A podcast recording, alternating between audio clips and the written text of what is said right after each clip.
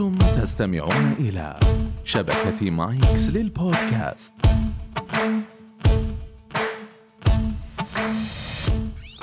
في إحدى الدراسات أثبتت أنه 80% من اللي نقول عن أنفسنا سلبي. دائما بعد الساعة 12 صباحا تبدأ بلوم نفسك وجلد ذاتك لأمور متعددة. هذه الحلقة ما راح تسمع فيها معلومات.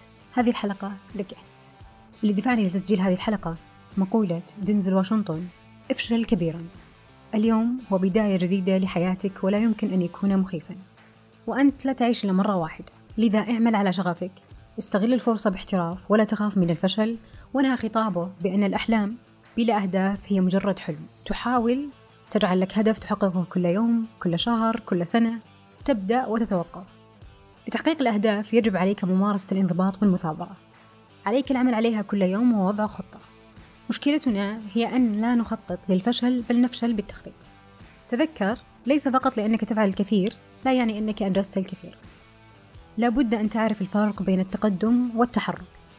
في كل أهدافك تسمع جملة يبيلك وقت تراك ما وصلت من عرفتك وانت تسوي الشيء الفلاني ولا تغير شيء.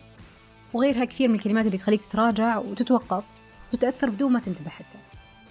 الشيء الأول اللي لازم يرافقك بكل خطوة تبدأ فيها تعلم الاستمرار. المخترعين وغيرهم. آلاف المحاولات والتجارب اللي مروا فيها إلى أن فشلوا وعادوا النهوض مرة أخرى. بالإضافة إلى لو تعود لتاريخ الشركات الأشهر في العالم تجد أنها كادت أن تفلس ولكن غيرت من أشياء كثير ورجعت تنهض مرة أخرى. لا تتراجع قس على ذلك بجميع أمور حياتك. لتحصل على شيء لم تمتلكه من قبل عليك أن تفعل شيء لم تفعله من قبل.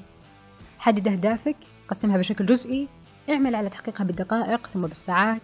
ثم الأيام لا تبدأ مندفعا. أختم بمثال واحد إن كانت لديك الرغبة للوصول للجسم مثالي.